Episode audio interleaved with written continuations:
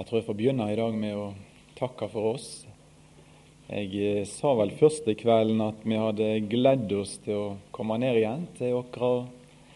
Jeg tror ingen av oss tilreisende er skuffa, men vi har opplevd fine dager og gode dager her sør.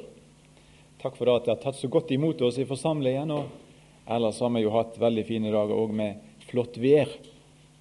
Det er jo noen som har kommet bort til oss og meg i alle fall, og sagt at de tror det er vi som har kommet med dette fine været. For nå har det vært sånn tre år på rad, og jeg tror jeg vil la deg leve i den villfarelsen. Eh, det kan være noen fordeler med akkurat det.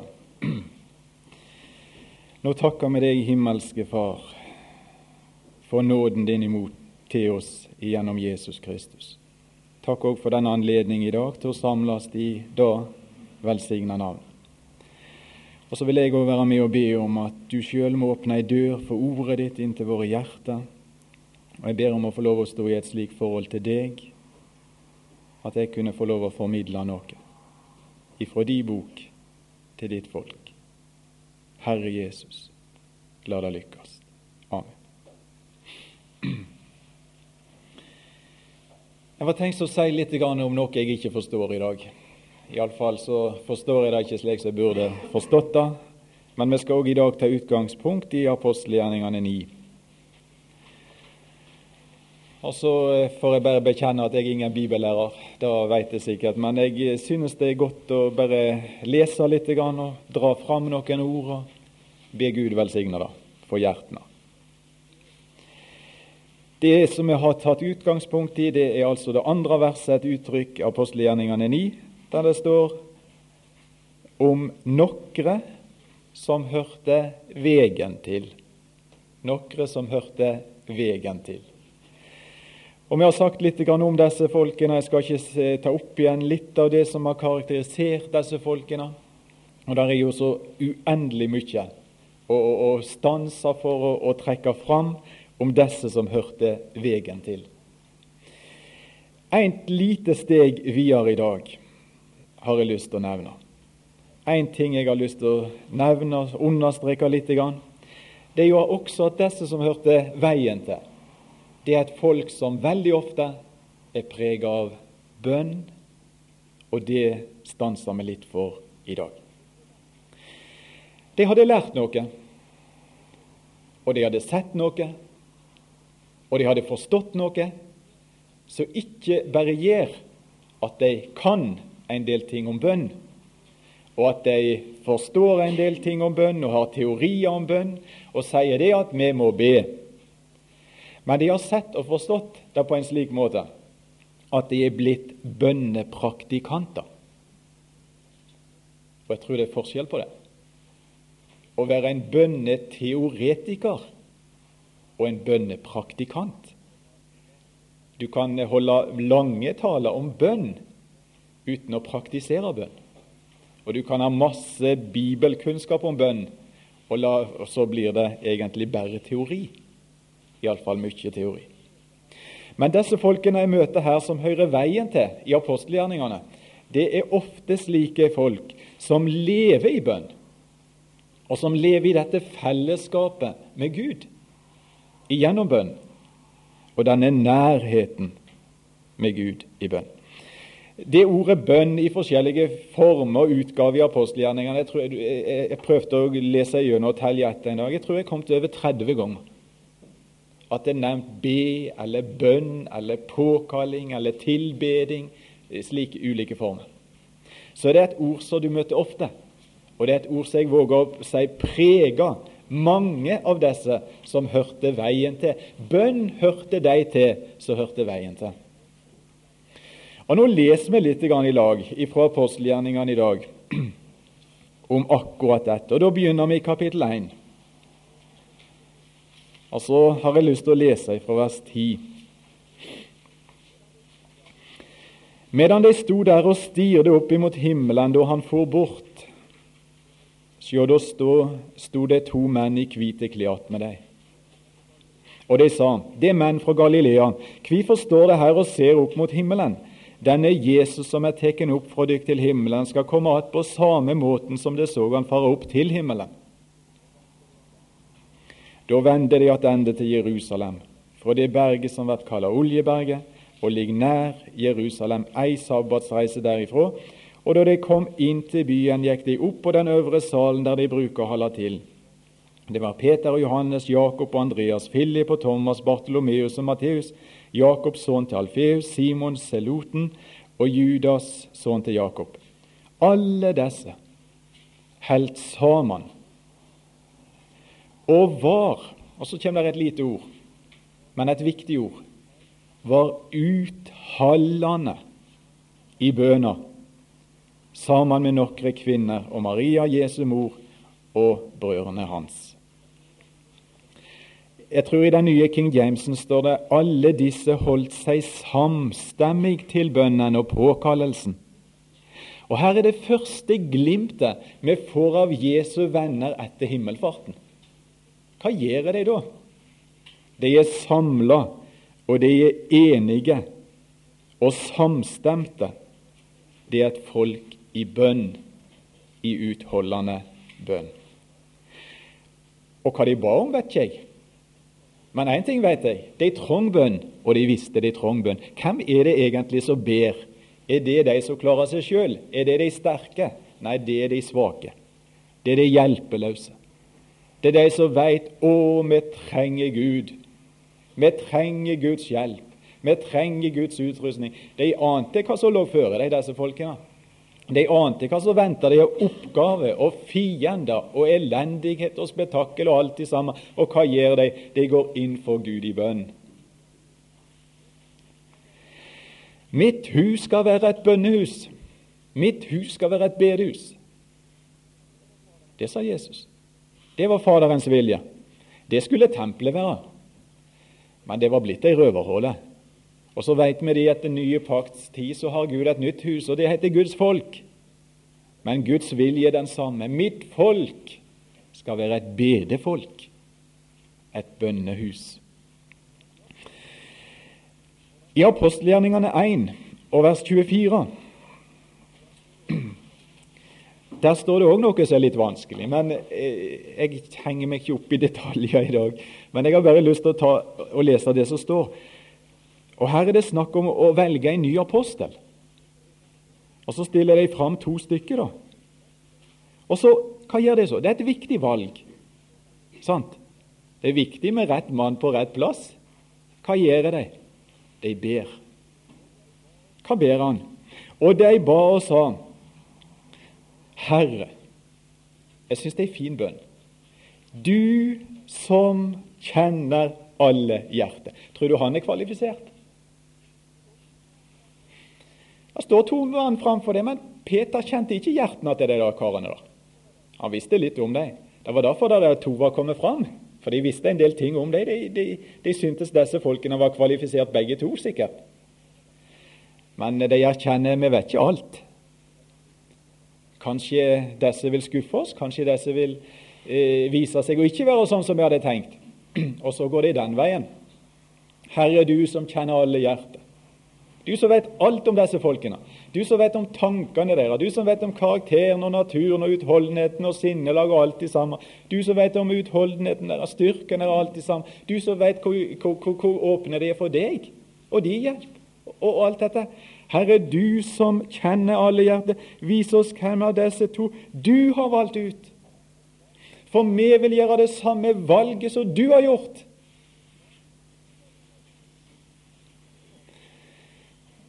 Det er valg i våre liv òg. Hva gjør vi da? Jeg tror de på veien, veldig mange av de har lært, det er en god vei å gå til Han som vet alt. Og prøve å bli klar over hva hans valg er, og så velger jeg sånn som han. Jeg tror det er en velsigna god vei i mange sammenhenger for oss i dag òg. Prøve å finne ut hva er Herrens valg, og så bøyer jeg meg, og så gjør jeg det samme valg som Herren har gjort.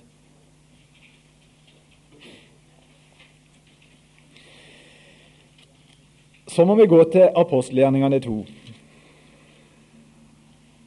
Og Det er jo et så kjent ord at jeg tror vi kunne sikkert klart det utenat, mange av oss her i dag. der det står om disse første kristne at de helt urikkende fast ved. Og det forteller meg at her er kreft i sving. Her er noe som vil rikke deg, her er noe som vil rokke, her er noe som vil ta ifra deg ting. For ellers trenger de ikke holde fast på det. Hvis dette gikk automatisk, så var det ikke noe, noe nødvendig at de, de holdt fast og kjempa for disse tingene. Men fordi det er kreft i sving og vil ta dette ifra deg, derfor er det uttrykt slik at de helt urikkende fast ved Og så kommer disse fire Vi sier ofte de fire byene. Det er ikke helt korrekt, egentlig. Men eh, vi forstår nå iallfall Eller vi, vi, får et inntrykk av hva det dreier seg om. Men apostlene sin lærer det er ikke, egentlig ikke Bibelen, men det er en del av Bibelen. Og det er den delen av Bibelen som jødene ikke ville ha. Det er den delen av Bibelen som taler om Jesus. For alle jøder holdt fast på Bibelen, den delen av Bibelen som de hadde da. Men her sto det noen nye folk fram som lærte noe om Jesus, som skapte reaksjoner. Og det var det som kosta for dem. Det var ikke å holde fast på Jeremias eller Moses eller, eller David eller eh, disse profetene. Da, var alle enige, da. Men apostlene sin lære det var at Jesus var død for deres synder, det var at Jesus var, var stått opp igjen ifra de døde, og det var at Jesus var herliggjort av Faderen, og det var at Jesus skal komme igjen, og at du skal bli dømt av Han. Da steila de. Da var det kamp. Men det holdt de fast ved. Det skal ikke det ta ifra oss. Ved samfunnet. Vi kan ikke gå inn på det. Ved brødsbrytinger og ved bønene. Eller ved bøner. Dette, det er kostelig for oss. Dette skal de ikke få ta. Men du skal være helt sikker på at det var kreftig sving som ville gjøre dette folket lamma som bønnefolk. At det ikke skulle fungere som bønnefolk. Men de var våkne, og de var bevisste, og de visste at dette våpenet det er uhyre effektivt, og dette henger vi ikke på veggen. Dette er ikke til pynt, men dette er til bruk. Og Denne holdningen som de har, den tror jeg altså at mange kristne burde hatt en, en viss fornyelse på. Dette slipper vi ikke. I regnbyer så er det, så er det over og ut. Et fjernsynsprogram så dropper vi disse tingene. Det var ikke sånn med disse folka. Og hvis det koster litt, nei, da trekker vi oss. Det var ikke slik med disse. Men holdningen deres var at Ta alt, men ta ikke disse tingene. Og Litt lenger nede står det at de var fryktelig slapphendte når det gjaldt materielle ting. Eiendommene sine solgte de og gav penger til de som trenger det. Det er vel motsatt i dag med mange, tror jeg. Kjemper for det jordiske, kjemper og stri helt på de materielle tingene, mens de åndelige brønnene, de dropper de lett ifra en holdning og en livsstil. Og her var bønn vesentlig. La oss gå til apostelgjerningene fire og se hvordan de feirer en seier. Seiersfest blant Guds folk. For her er noen av Herren sine vitner blitt satt fri Og da de nå var satt fri, kom de til sine egne, det er Peter og Johannes, og fortalte dem alt som øversteprestene og de eldste hadde sagt til dem. Da de hørte dette, løfta de røysta og vendte seg med ein hug til Gud og sa De vet hvor de skal gå når de skal feire en seier. De vet hvem de skal takke for det underet som har skjedd. Herre, du som gjorde himmelen og jorda og havet og alt som er i deg. Alt som er i deg. Du som har tala ved Den hellige ande gjennom munnen til David, tjeneren din. Det er inspirasjon. Og sa kvifor fnyste heidningene, og kvifor grunna folkeslagene på det som forfengte. er. Kongene på jorda steg fram, og hovdingene slo seg sammen mot Herren og mot den han har salva. Ja, i sanning. I denne byen. Samla de seg mot din hellige tjener Jesus, som du salver, både Herodes og Pontius Pilatus sammen med heidningene og israelsfolket, for å gjøre det som de han og ditt råd føråt hadde fastsatt skulle hende. Og nå, Herre, halt auga med trugsmåla deira, og gjev tjenerne dine, og tala ditt ord med stort frimot idet du retter ut handa di, så leking og teikn og undervert gjorde ved navnet åt Jesus, din heilage tjener. Og da de hadde bedt, skalv staden der de var samla. Og de vart alle fylte med Den heilage ande, og de taler Guds ord med frimot. Men de har opplevd medgang, de har opplevd seier, og hvordan uttrykker de disse, denne sinnsstemning og denne situasjon? De henvender seg til Gud i bønn. De ber. Skal vi gå til apostelgjerningene 9?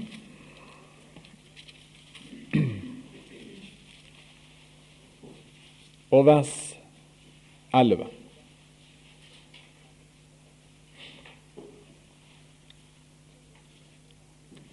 Og Der leser vi om en som akkurat er blitt flytta inn på veien.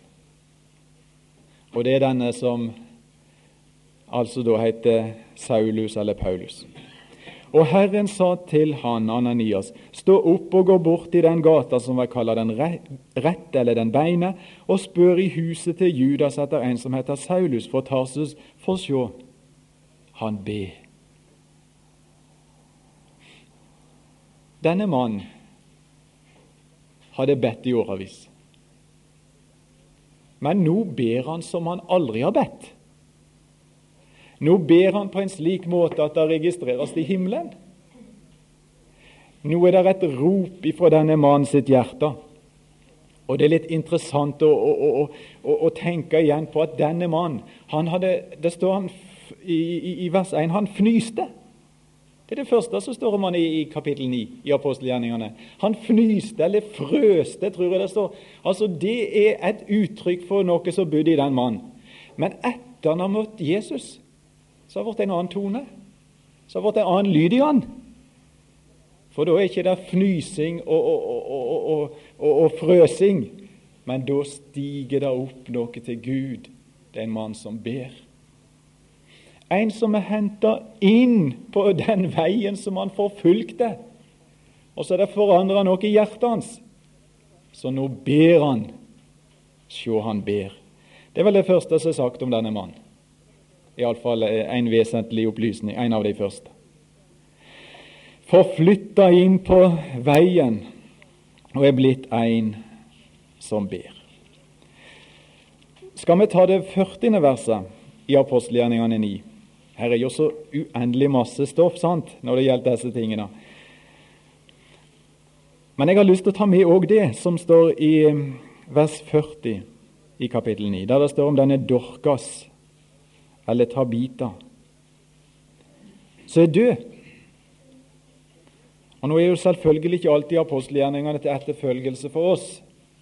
Det er mange ting som ikke er det. Men det er allikevel noen lærdommer som jeg iallfall syke i meg når det gjelder det åndelige, så disse praktiske tingene illustrerer. Og Det er stor sorg, og det er altså ei kvinne som heter Dorkas.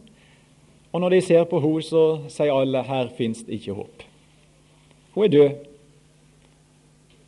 Du kan være dødssyk, og det er håp, men når du er død, da pakker kuff, doktoren kufferten i sammen. Da resignerer de alt håp ute. Men Peter, står det i vers 40, sendte de ut alle sammen, bøygde kne og ba. Det var fryktelig interessant hvis det hadde stått hva han ba om. Jeg vet ikke hva han ba om. Men jeg regner med han, han spurte litt grann, han som veit alt. Kanskje han spurte hva han skulle gjøre i denne situasjonen. Fortsettelsen er iallfall så vendte han seg mot den døde og sa, ta Tabita, stå opp. Hun slo opp øynene sine, og da så Peter, sette seg opp. Det jeg tenker på, kjære venner, det er det at vi trenger ikke reise langt for å finne lik. Åndelige lik. Hva tenker vi når vi ser en ufrelst mange ganger? Vi tenker her er ikke håp. Jeg tror du har noen sånne, du òg. Det kan være båten, det kan være slektninger, det kan være foreldre, for så vidt. Det kan være mange ting. Så, så blir du liksom nesten lamma av denne tanken. Er ikke, her er ikke håp. Du har prøvd. Du har bedt. Du har prøvd å ha sagt noe. Du, du har prøvd så mye, men det er like hardt, minst.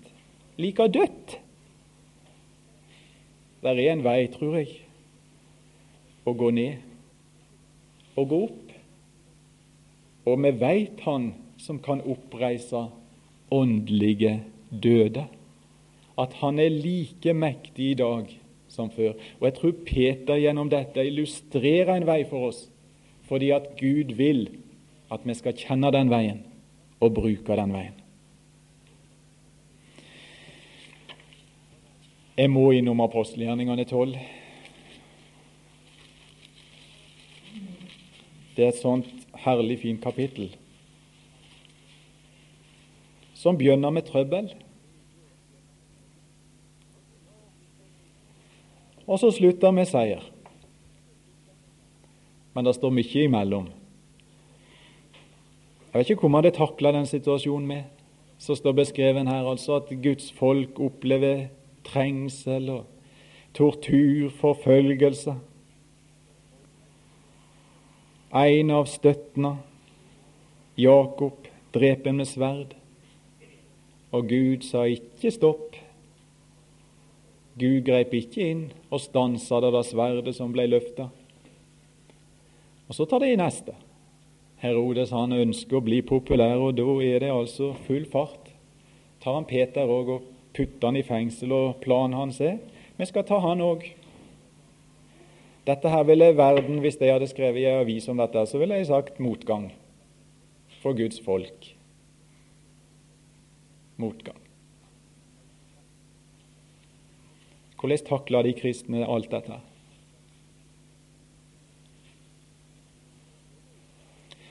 Vers 5. I mellomtida ble Peter Hallen i fengselet, men og Personlig syns jeg det er to veldig sterke menn i apostelgjerningene 12. Og her er det første. Du får liksom malt en sånn fryktelig svart bakgrunn. Men det vart Halle inderlig, ustanselig, ser jeg noen bibelomsetninger med. Bøn for han i kirkelyen. Og hvor lenge de ba, vet jeg ikke. Men jeg tror de ba ifra Peter ble fengsla. Og det var sikkert noen dager, det, kanskje ei lita uke. Og eh, de, de, er altså i bønn, kanskje er grupp, eller det er sikkert mange, så de er kanskje i forskjellige eh, lokaliteter, for så vidt i heima, men hele veien så er det innenfor truna der oppe. De går ikke til Herodes i truna og bukker djupt og 'Kjære Herodes, nå må du være så snill og, og, og sette Peter fri, for vi har så bruk for han.' Det var en høy autoritet, han Herodesen, men de kjenner en høyere autoritet. Og Så går de til han på den høyeste truna, og så ber de for Peter. De ber ikke 'Kjære Gud, nå må du sette fri alle fangene som sitter rundt om i alle fengsel, som er kristne'. Det er mer konkret enn som så. Ofte når du og jeg ber, så ber vi så ut i løsa lufta at vi aner ikke når det kommer bønnesvar. Men dette er så konkret at når Peter senere står der, så må jo alle skjønne her er bønnesvaret. Her står han. Det var jo det vi ba om. Her er han. I en parentes så tror jeg at Gud liker at vi nevner navn innenfor troen hans. Jeg tror det.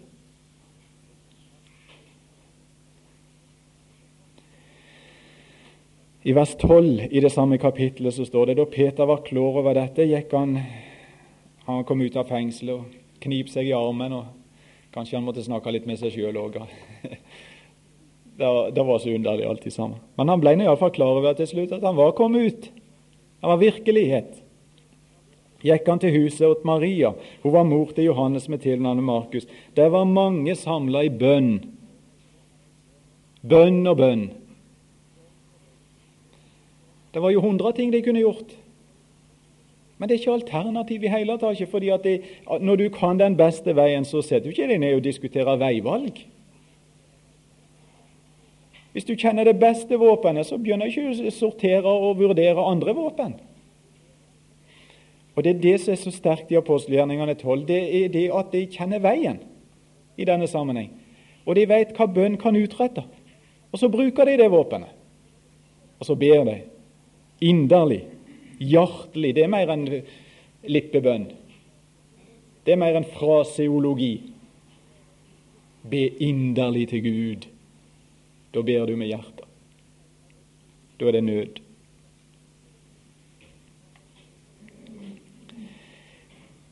Se hva som står i vers 17. På slutten av vers 17. Ja, jeg tror vi må lese vi tar hele vers 17. Han gjorde tegn til dem med hånda at de skulle tegne. Det var et sånt virvar vet du, når Peter plutselig kommer inn. Først er det noe Rode som har, har problem. Hun har vært så forfjamsa når Peter står og banker på døra at hun sommer seg ikke til å åpne engang. Så jeg pleier å si at det var lettere for Peter å komme ut av fengselet inn på bønnemøtet. Det var det. Men de fikk han inn til slutt, og da er de så forfjamsa, alle preker i munnen på hverandre. vet du. Jeg, jeg forstår godt denne situasjonen. Han gjorde tegn til dem med hånden at de skulle teie. Hysj, hysj, sier Peter. Og så fortalte han dem hvordan Herren hadde ført han ut av fengsel. Det må du òg gjøre. Det er vi altfor lite flinke til. Det personlige vitnemålet om Herren i våre liv, det er nesten forstumma. Og det er et veldig tap. Og han sa, 'Fortell dette til Jakob og brødrene.' Men merk deg, fortell dette til Jakob. Jeg antar at dette er den Jakob som skriver i Jakobs brev, kapittel 5.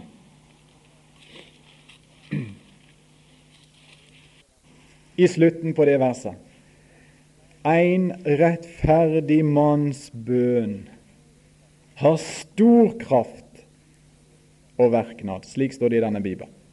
En rettferdig manns bønn har stor kraft og verknad. I alle fall så var det en demonstrasjon på rettferdige som ba i apostelgjerningene 12, og at det var en virkning som var over alt vet. Det var under på under som skjedde. I det der fengselet når de truende var. Skal vi gå til apostelgjerningene 13, vers 3?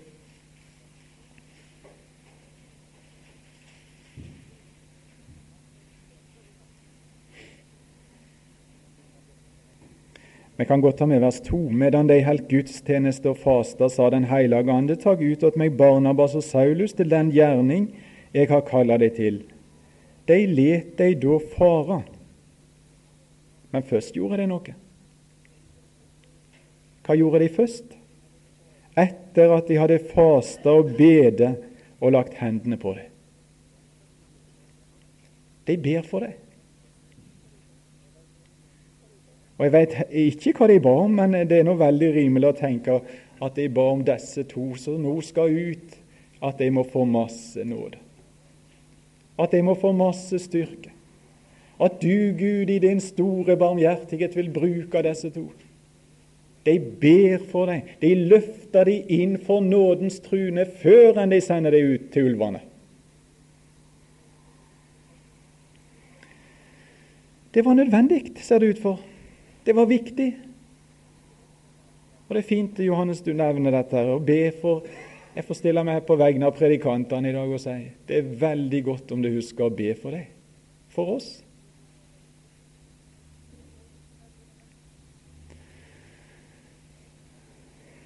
Vi trenger så til forbønn, så jeg vet sannelig ikke om vi har gjort noe en gang før.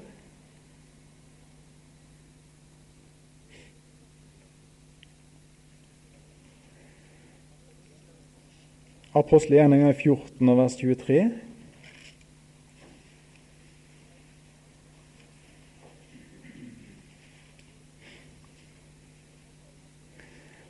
Paulus og Barnabas. Og i hver kirkely valgte de ut eldste for deg, og etter bøn og faste overlet de dem til Herren. Løfta de inn for Herren, disse personene som kom til å stå i slike viktige sammenhenger og situasjoner. De vet disse folkene trenger spesiell nåde, og de ber for dem. De løfter det inn for Han som har det de trenger.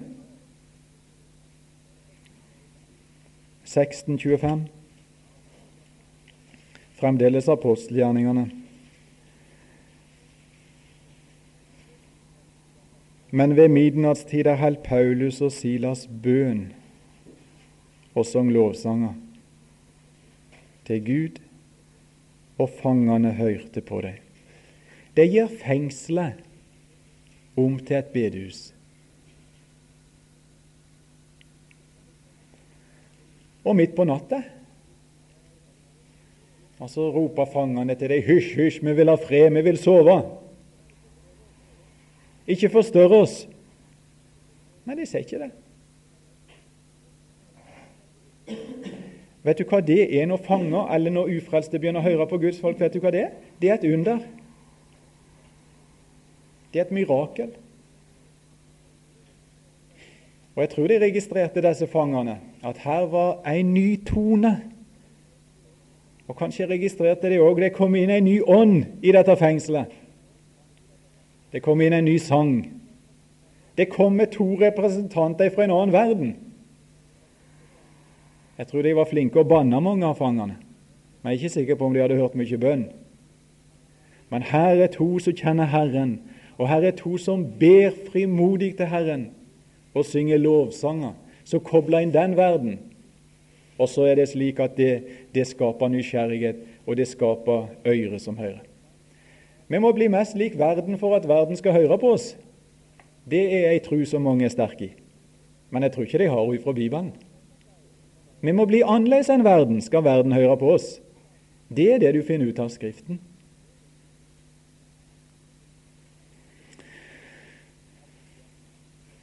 Apostelgjerningene 20.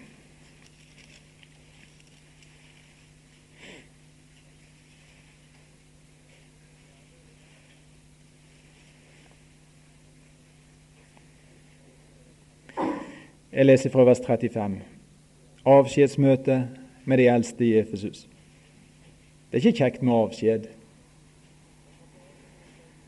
Jeg har på alle måter vist dere at slik bør vi arbeide så vi kan ta oss av de veike, for vi kjem i hug de orda Herren Jesus sjøl sa. Og så gir han oss en nøkkel. Han holder opp en velsignelsesnøkkel for Guds folk. Jeg er ikke sikker på om jeg liksom har oppdaga den alle. Hvis du vil bli rik, hva da? Og nå snakker jeg ikke om penger.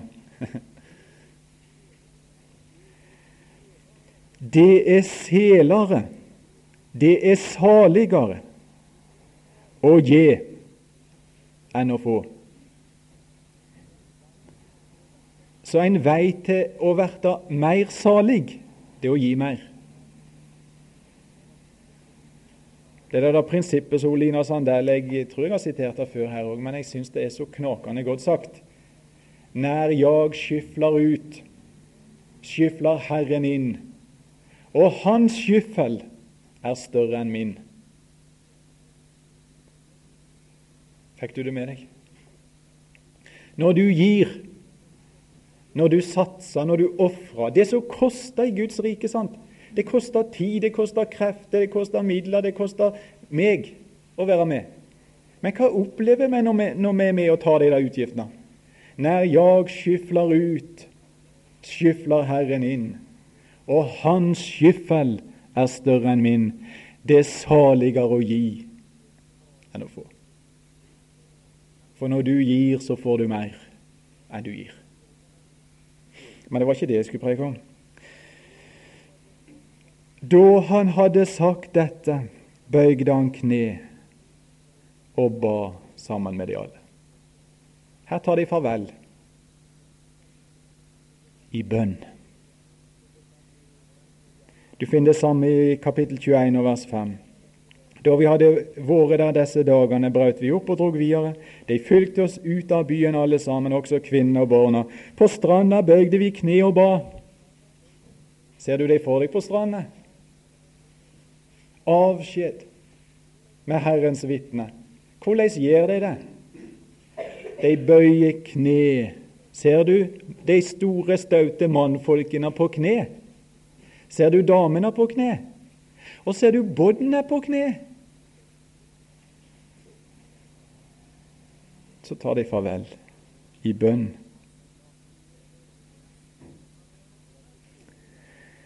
Jeg har brukt tida mi.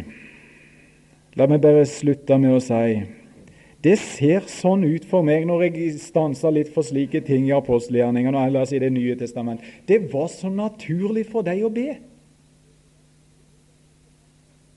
De måtte altså ikke henge opp en svær plakat om bønnemøte for at de skulle be. Visstnok er det formaninger. De trong visst det, de òg. Men allikevel ofte så ser det så naturlig ut, dette å be. Og ikke bare om svære ting. De trenger jo ikke bli dødssyke før enn de ba. Men også når det gjaldt ting som vi gjerne ville kalle bagateller, så ser det ut for det var så naturlig å bringe det opp for Han. Og En del av det som vi styrer på med i dag, og som, som Guds folk klarer seg ser det ut for uten bønn, det måtte de be om. Bønna fikk veldig høy prioritet. Og det ser ut for at når de ba, så gjorde Gud noe stort. Enten med de som ba, eller for de som ba, eller for sitt rike. Hvordan er det med oss høyre veien til i dag? Ligner vi på disse? Jeg tror i hvert fall vi er enige om det at det er behov. Og jeg tror Én ting forstår jeg når det gjelder bønn. Jeg innleder med å si jeg forsto ikke så mye. Men én ting forstår jeg, og det at Herren vil ha et bedehus, et bedefolk, i denne verden helt til dess han kommer. Såpass forstår jeg. Og selvsagt burde det ha virka mer i mitt liv enn det har gjort.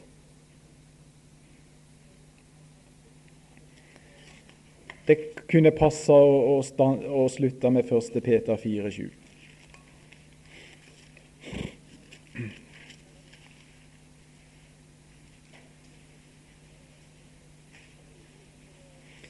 Jeg kan jo ikke fri meg fra det av og til når jeg besøker en del forsamlinger der jeg reiser. Hva med framtida? I bedehusland, det er der jeg eh, lever for det meste. Kommer til forsamlinga, vet du, så er det fem eller seks eller sju, og så er gjennomsnitten 75 år. Hva skal du tenke da? Hva med framtida? Ja, så kan jeg snakke om metoder taktikk og kurs og jeg vet ikke hva. Jeg tror framtida har veldig mye sammenheng. Hvordan vi som hører veien til, vil forholde oss til slike ord som Jesus talte om bønn og forbønn.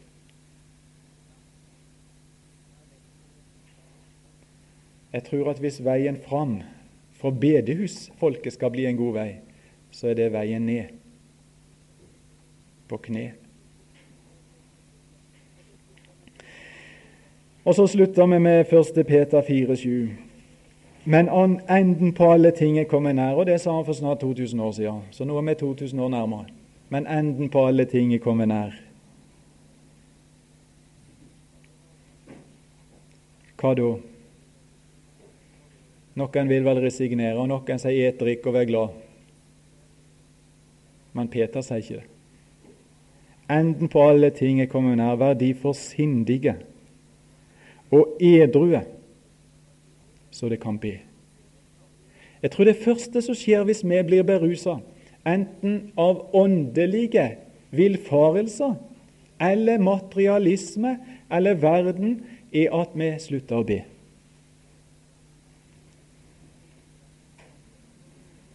Vær sindige og edrue, så Herren kan ha et bedehus i denne verden like til enden. Far i himmelen, jeg har lyst til å takke deg for det som vi har delt i, sammen i dag òg. Jeg har lyst til å be om at du måtte bruke dette, både med tanke på mitt liv og min tjeneste og disse brødre og søstre som er her i dag. Det er vel eneste du som kan lære oss å be, og vise oss velsignelsen og nåden og det privilegium det å være et bedehus for deg. Hjelp oss, Herre, å lære og forstå og at vi ikke forsømmer dette våpen i striden, men at vi virkelig kunne kjenne det og bruke det slik du vil. Så har vi òg lyst i formiddag å løfte inn for deg folket her på Åkra. Og vi har lyst til å be om at du i din store nåde vil forbarme deg over det. Vi tenker spesielt på de som ikke kjenner deg og ber om at du rører ved deres hjertes øyne, så de kunne skjønne og forstå hva livet var, hva evigheten var, hva det vil si å være frelst, og hva det vil si å være fortapt.